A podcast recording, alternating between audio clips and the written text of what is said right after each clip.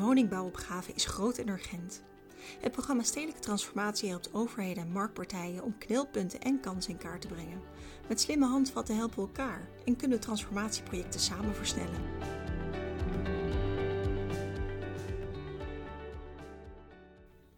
Maarten Hoorn gaat zo een stuk voorlezen dat hij schreef voor het magazine Ruimte en Wonen. Het gaat over maatschappelijke meerwaarde creëren bij gebiedsontwikkelingen. Of, zoals Maarten het zelf noemt, het onbetaalbare kerstje op de kale taart die we nu vaak zien bij gebiedstransformaties. In het artikel geeft Maarten inzicht in de kosten en de opbrengsten van gebiedsontwikkeling en hij vertelt hoe je de opbrengsten eerlijk kunt verdelen.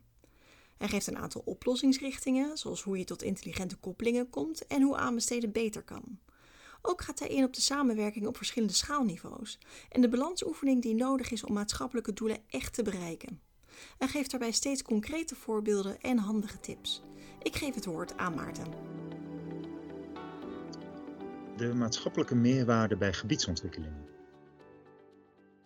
Nederlandse steden veranderen in sneltreinvaart. De woningbouwopgave, verduurzaming van bestaande gebouwen en effecten van online winkelen hebben een enorme impact op onze omgeving. Vaak gaan de ontwikkelingen zo snel dat het lijkt alsof er geen ruimte is voor maatschappelijke initiatieven. Willen we dit soort groepen en voorzieningen wel faciliteren, dan moeten we echt anders gaan kijken naar de financiering en beoordeling van ontwikkelingen. Maar hoe dan? In dit luisterartikel een aantal onderwerpen. Na een korte inleiding neem ik u mee in het huidige probleem, de kale taart. Vervolgens ga ik in op de kern van het probleem, de knip tussen de ontwikkel- en exploitatiefase. Om meer inzicht te geven in de kosten en opbrengsten ga ik in op de wijze waarop de opbrengsten eerlijk verdeeld kunnen worden. Daarna een aantal oplossingsrichtingen. Het bedenken van intelligente koppelingen, voorbij de financiële impact kijken, kiezen voor een plan of een partner. Ik ga in op de balansoefening die nodig is voor maatschappelijke doelen. En ik behandel de samenwerking op verschillende schaalniveaus. Ik sluit af met de conclusies. Een winkel waar lokale producten worden verkocht, een studio waar kansarme jongeren les krijgen in breakdancing, een buurtpunt waar ouderen met elkaar kunnen klaverjassen, ateliers voor beginnende kunstenaars, een hotspot voor start-up met duurzaamheidsinitiatieven. Enorm waardevol voor een gebied, maar we zien deze functies vooral op locaties met een tijdelijke bestemming. Want zodra een gebied tot ontwikkeling komt, delven deze functies het onderspit en moeten ze op zoek naar een nieuwe plek. Al hebben ze gezorgd voor een enorme reuring en waardecreatie, ze kunnen de prijzen voor het nieuwe vastgoed meestal niet opbrengen. Het uh, recent geïnitieerde Utrechtse Stadmakersfonds helpt de initiatieven, vooralsnog alleen in de provincie Utrecht. Wel geldt ook daar dat een project financieel haalbaar moet zijn. Een kale taart. Maatschappelijk rendement lijkt nu een onhaalbaar kerstje op een zeer dunne laag slagroom. Driekwart van de gemeenten rekent namelijk op een publieke tekorten bij binnenstedelijke woningbouwprojecten in transformatiegebieden. Gemiddeld loopt het publieke tekort op tot bijna 20 miljoen euro per project, omgerekend zo'n 13.000 euro publiek tekort per woning. Dat blijkt uit een onderzoek dat Rebel Groep heeft gedaan voor het programma Stedelijke Transformatie. Deze hoge kosten zitten in de aanleg van de openbare ruimte, de plankosten, infrastructuur of sloop van de panden. En bij de marktpartijen is de slagroomlaag ook niet dik. Bijna de helft van de gemeenten ziet namelijk ook private tekorten. Bij private partijen stijgen de kosten door onder andere parkeren of grondsanering. Doorgaans zijn er zeker mogelijkheden om de kosten en opbrengsten te optimaliseren, maar vaak blijkt ook daarna nog een enorm tekort over. Eigenlijk is het een wonder dat we in Nederland nog steeds gebieden kunnen ontwikkelen. De marges zijn dusdanig beperkt dat huurprijsverlaging of prijsverlagingen voor functies met een maatschappelijke meerwaarde simpelweg niet in de business case past. De knip tussen de ontwikkel- en exploitatiefase. In sommige gevallen is het achteraf mogelijk te bepalen wat de meerwaarde van een specifieke gebiedsontwikkeling is. Een bekend voorbeeld daarvan is de ondertunneling van de A2 bij Maastricht. Dit zorgde voor een enorme toename van de leefbaarheid in de directe omgeving. Hinderlijk geluid was weg en de kwaliteit van de lucht werd beter. De waarde van de huizen binnen een straal van 1 kilometer is door de ondertunneling met meer dan 220 miljoen euro toegenomen.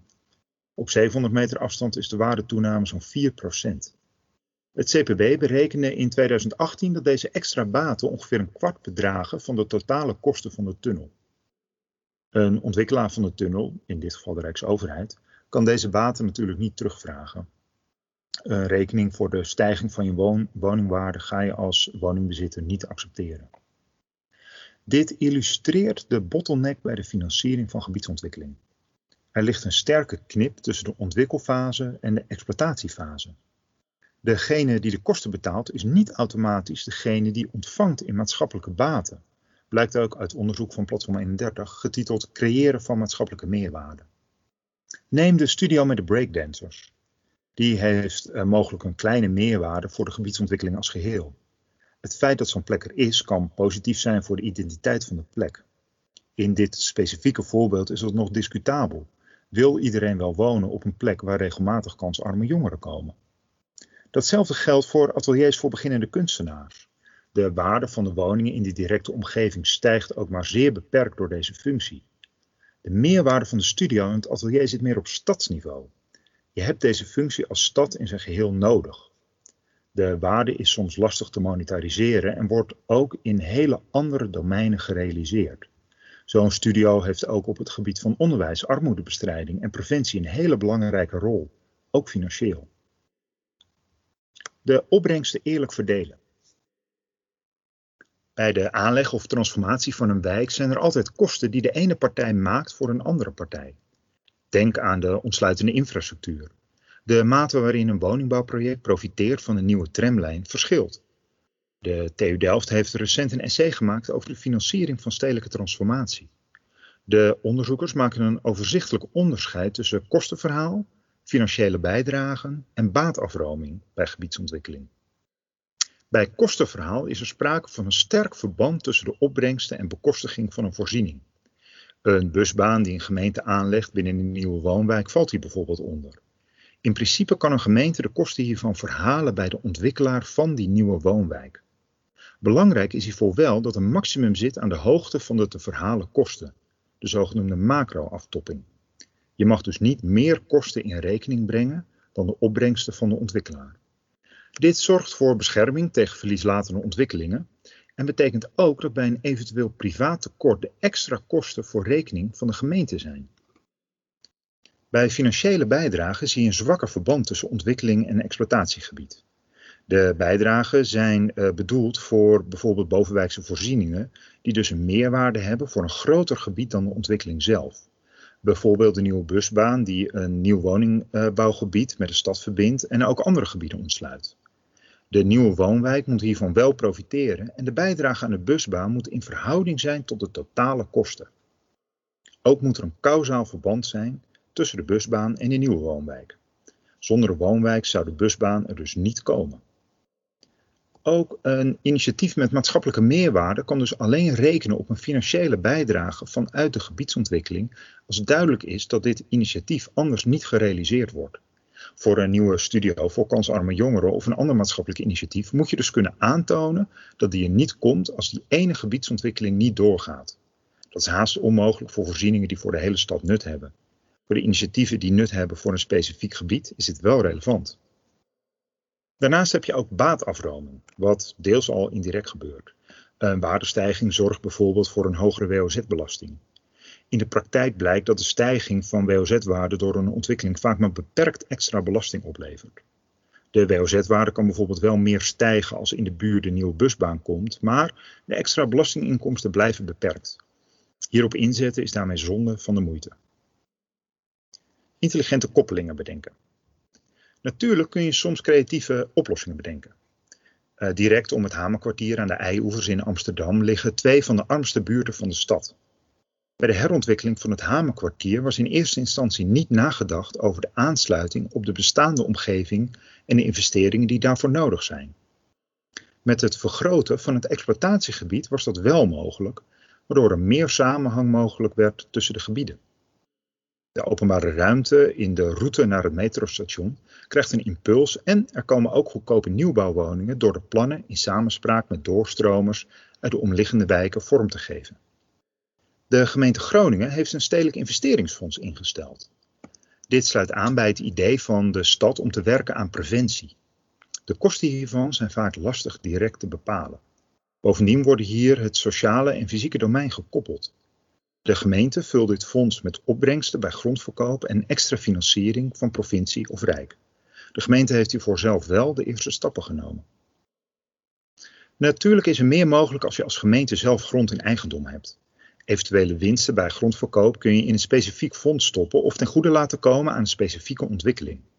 Wel horen daarbij een paar kanttekeningen.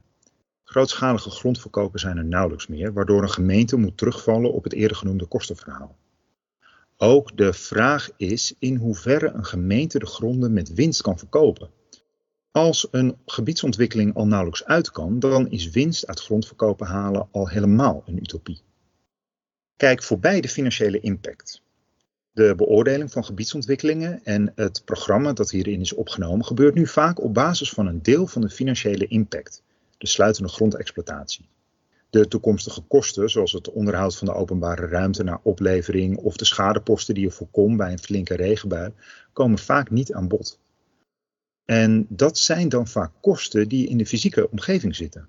Een link maken naar de sociale agenda van een gemeente is nog veel lastiger.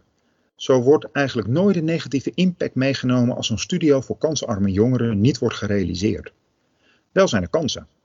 In het grondbeleid kun je als gemeente de maatschappelijke impact voor de stad als geheel centraal stellen in plaats van de grondopbrengsten. Zeker als er baten zijn op het gebied van bijvoorbeeld onderwijs of werkgelegenheid, is dat goed te verantwoorden. Dit betekent wel een bredere scope en anders begroten. Ook kun je de baathebbenden inzichtelijk maken. De Rebelgroep deed dat voor de Nationale Omgevingsvisie in de publicatie Meer doen, meer samen doen. De auteurs stellen in die publicatie voor om uit te gaan van de ladder van bekostiging. Zij maken hiervoor een onderscheid tussen de baathebbenden die direct financieel profiteren en de baathebbenden die indirect financieel profiteren. Vervolgens kijken ze naar de baathebbenden die niet financiële baten hebben, die wel in euro's zijn uit te drukken. Daarnaast kun je bij een project bekijken wat de niet-financiële, niet monetariseerbare baten zijn. Neem een hotspot voor start-ups voor duurzaamheidsinitiatieven. Daar zijn de directe baten voor de partij die het ontwikkelt. De indirecte baten ontstaan doordat de ondernemers die zich hier vestigen belasting betalen. Niet-financiële, wel monetariseerbare opbrengsten zitten in de producten die deze start-ups produceren en in de kans dat een dergelijke start-up misschien een gebied op langere termijn op de kaart kan zetten. De niet-financiële, niet monetariseerbare baten zitten bijvoorbeeld in de verbetering van de kwaliteit van de leefomgeving. Door deze verschillende baten eerst inzichtelijk te maken, kun je beoordelen of je de kosten voor de ontwikkeling van zo'n hotspot kunt verantwoorden. Kiezen voor een plan of voor een partner. Tenders vanuit gemeenten spelen een belangrijke rol bij gebiedsontwikkelingen. Je kunt op verschillende manieren bepalen hoe je een partner selecteert die een gebied gaat ontwikkelen. In dat selectieproces kun je ook het streven naar maatschappelijke waardecreatie op uiteenlopende manieren verwerken. Voor de herontwikkeling van de Bijlmer Baaien scoorde prijs en kwaliteit van het plan even zwaar in de selectieprocedure. Een andere optie is om te werken met rondes, waarbij de selectie van partijen in de eerste ronde focust op de toevoeging van maatschappelijke waarde, naast een solide en haalbare ontwikkelingsstrategie. In de tweede ronde concurreert men dan alleen nog op prijs. Dit is echter niet mogelijk bij alle aanbestedingsprocedures.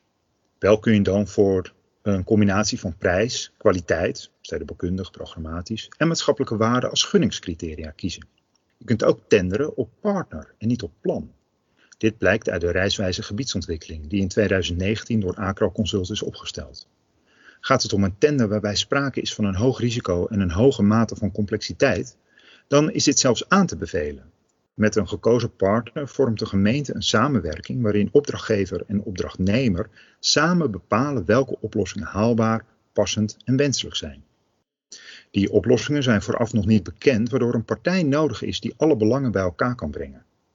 Zo zocht de gemeente Utrecht voor het Smakkelaarsveld een partner die de samenwerking en de complexiteit van de opgave echt begrijpt. Daarvoor hebben twintig partijen een sollicitatiebrief gestuurd en mochten elf op gesprek komen. Uiteindelijk zijn drie partijen geselecteerd. Zij hebben vervolgens in dialoog met de gemeente en de stad in concurrentie met elkaar een visie en een ontwerp gemaakt. Zo is op een goede manier met alle belangen omgegaan. Wel moet je als gemeente niet meer de prijs, maar de kwaliteit bij tenders hoog laten scoren. Een balansoefening voor maatschappelijke doelen. Als een ontwikkelaar goed wil inspelen op maatschappelijke opgaven in een gebied, dan moet duidelijk zijn wat die opgaven precies zijn. Je kunt als gemeente wel roepen dat je een duurzame, gezonde, inclusieve, klimaatadaptieve wijk wil, maar voor hen is dat onbruikbaar. Wat betekent bijvoorbeeld inclusiviteit? Dat kan per gemeente en zelfs per ambtenaar verschillen. Edwin Buitelaar van het Planbureau voor de Leefomgeving introduceert een aantal handige perspectieven voor die inclusieve stad. De maximeerstad, de egale stad, de toegankelijke stad of de vrije stad. Moet een stad zo egaal mogelijk zijn door economische ongelijkheid zoveel mogelijk te verminderen? Of moet het een toegankelijke stad zijn waar voor iedereen de basisbehoeften beschikbaar zijn? Een invulling volgens een van deze principes kan dus een groot verschil maken. Zo'n duidelijke richting kiezen helpt, maar te precies zijn werkt weer belemmerend. Wie werk wil maken van klimaatadaptatie kan bijvoorbeeld groene daken voorschrijven. In de praktijk werkt het beter om te omschrijven waarom je dat wil, namelijk het opvangen van zware buien. Dan heeft de ontwikkelaar verschillende mogelijkheden om dat doel te bereiken, bijvoorbeeld met regentonnen of door wadi's in de openbare ruimte. Het vinden van de juiste balans tussen zo concreet mogelijk zijn en ruimte houden voor eigen invulling is ingewikkeld. Wel helpt het om als gemeente goed in beeld te hebben wat de doelstellingen zijn en hierin ook keuzes durven maken. De gemeente Utrecht loopt bijvoorbeeld voorop als het gaat om gezondheid. Bij het eerder genoemde Smakkelaarsveld was stilte belangrijk, wat leidde tot een ontwerp met als motto stilte in de orkaan. Hierbij wordt veel rust op het binnenterrein gecreëerd. Bij de ontwikkeling van Centrum Overvecht legde de gemeente de nadruk sterk op ontmoeten. In de tendencommissie zaten een aantal maatschappelijke partijen. Dit leidde tot een plan met veel ruimte voor ondernemers uit de wijk, met een superplint die ook geschikt is voor activiteiten voor en door de buurt. Onderdeel van de plannen zijn gezamenlijke binnentuinen en veel openbare ruimtes, zoals een restaurant met leerbedrijf, koffiebar, filmzaal en een ruimte van de universiteit. De gemeente Woerden doet het anders. Bij de herontwikkeling van Nieuw Middelland van een bedrijventerrein tot een gemengd woon-werkgebied gebruiken zij een spinnenwebdiagram om te zien hoe een initiatief scoort op programma, ruimte, mobiliteit en duurzaamheid. Het spinnenwebdiagram vormt een alternatief voor een stapeling van eisen die door de initiatiefnemers als belemmerend werden ervaren. Los van elkaar zijn die eisen allemaal wel haalbaar, maar door de combinatie worden de ontwikkelmogelijkheden te veel afgeremd. Daarom besloot de gemeente gebiedsdoelen te formuleren en via het spinnenwebdiagram te sturen op balans en samenhang tussen die doelen binnen het gebied. De gemeente stelt bijvoorbeeld een bepaald percentage middeldure huur niet als harde eis, maar een initiatief kan zich hiermee wel positief onderscheiden. Het draagt namelijk bij aan het gebiedsdoel om in Middelland woningen voor een mix aan doelgroepen te realiseren, zowel naar inkomen als naar levensfase. Samenwerken op verschillende schaalniveaus. Om bepaalde maatschappelijke meerwaarde te kunnen creëren is het verstandig om op verschillende schaalniveaus te zoeken naar samenwerking. Dat kan op het gebied van een gebied, een stad of een regio. Zo kunnen verschillende ontwikkelingen zoet en zuur met elkaar delen, ruilen of verevenen. Een woningcorporatie en een ontwikkelaar kunnen bijvoorbeeld samen optrekken bij de renovatie van het vastgoed en bij de ontwikkeling van een nieuw gebied. Deze oude vormen van uitruil en wederzijds profijt komen weer meer in beeld. Op stadsniveau kun je ook anders samenwerken. In Zwolle is al enige jaren het Zwols Concilium actief. Een samenwerkingsverband van gemeenten, provincie, corporaties, ontwikkelaars, bouwers en makelaars die samen over de ontwikkeling van de stad en specifieke projecten praten. Zo'n samenwerkingsverband geeft vertrouwen en inzicht in elkaars belangen en verhoogt de kwaliteit en haalbaarheid van de plannen. Niet één recept. Maatschappelijke meerwaarde creëren bij nieuwe gebiedsontwikkelingen is ingewikkeld, maar niet onmogelijk. Om te beginnen helpt het om in beeld te hebben wat de doelen zijn en hoe die kunnen worden bereikt. Welke maatschappelijke voorzieningen zijn waar nodig? Hoe duidelijker de doelen en functies in beeld zijn, hoe groter de kans dat het lukt. Daag met die doelen marktpartijen uit. Zij kunnen en moeten creatief zijn. Om het echt goed van de grond te krijgen, moeten gemeentelijke begrotingen op de kop. Kosten binnen het ene domein zorgen voor baten in het andere domein. In maatschappelijk rendement moet je als gemeente durven te investeren. Dank voor het luisteren. Wil je meer weten over hoe je ruimte maakt voor maatschappelijke meerwaarde bij gebiedsontwikkelingen? Kijk dan op www.stedelijketransformatie.nl. Volg ons ook op Twitter of LinkedIn of schrijf je in voor onze nieuwsbrief. Dan blijf je altijd op de hoogte van de nieuwste ontwikkelingen.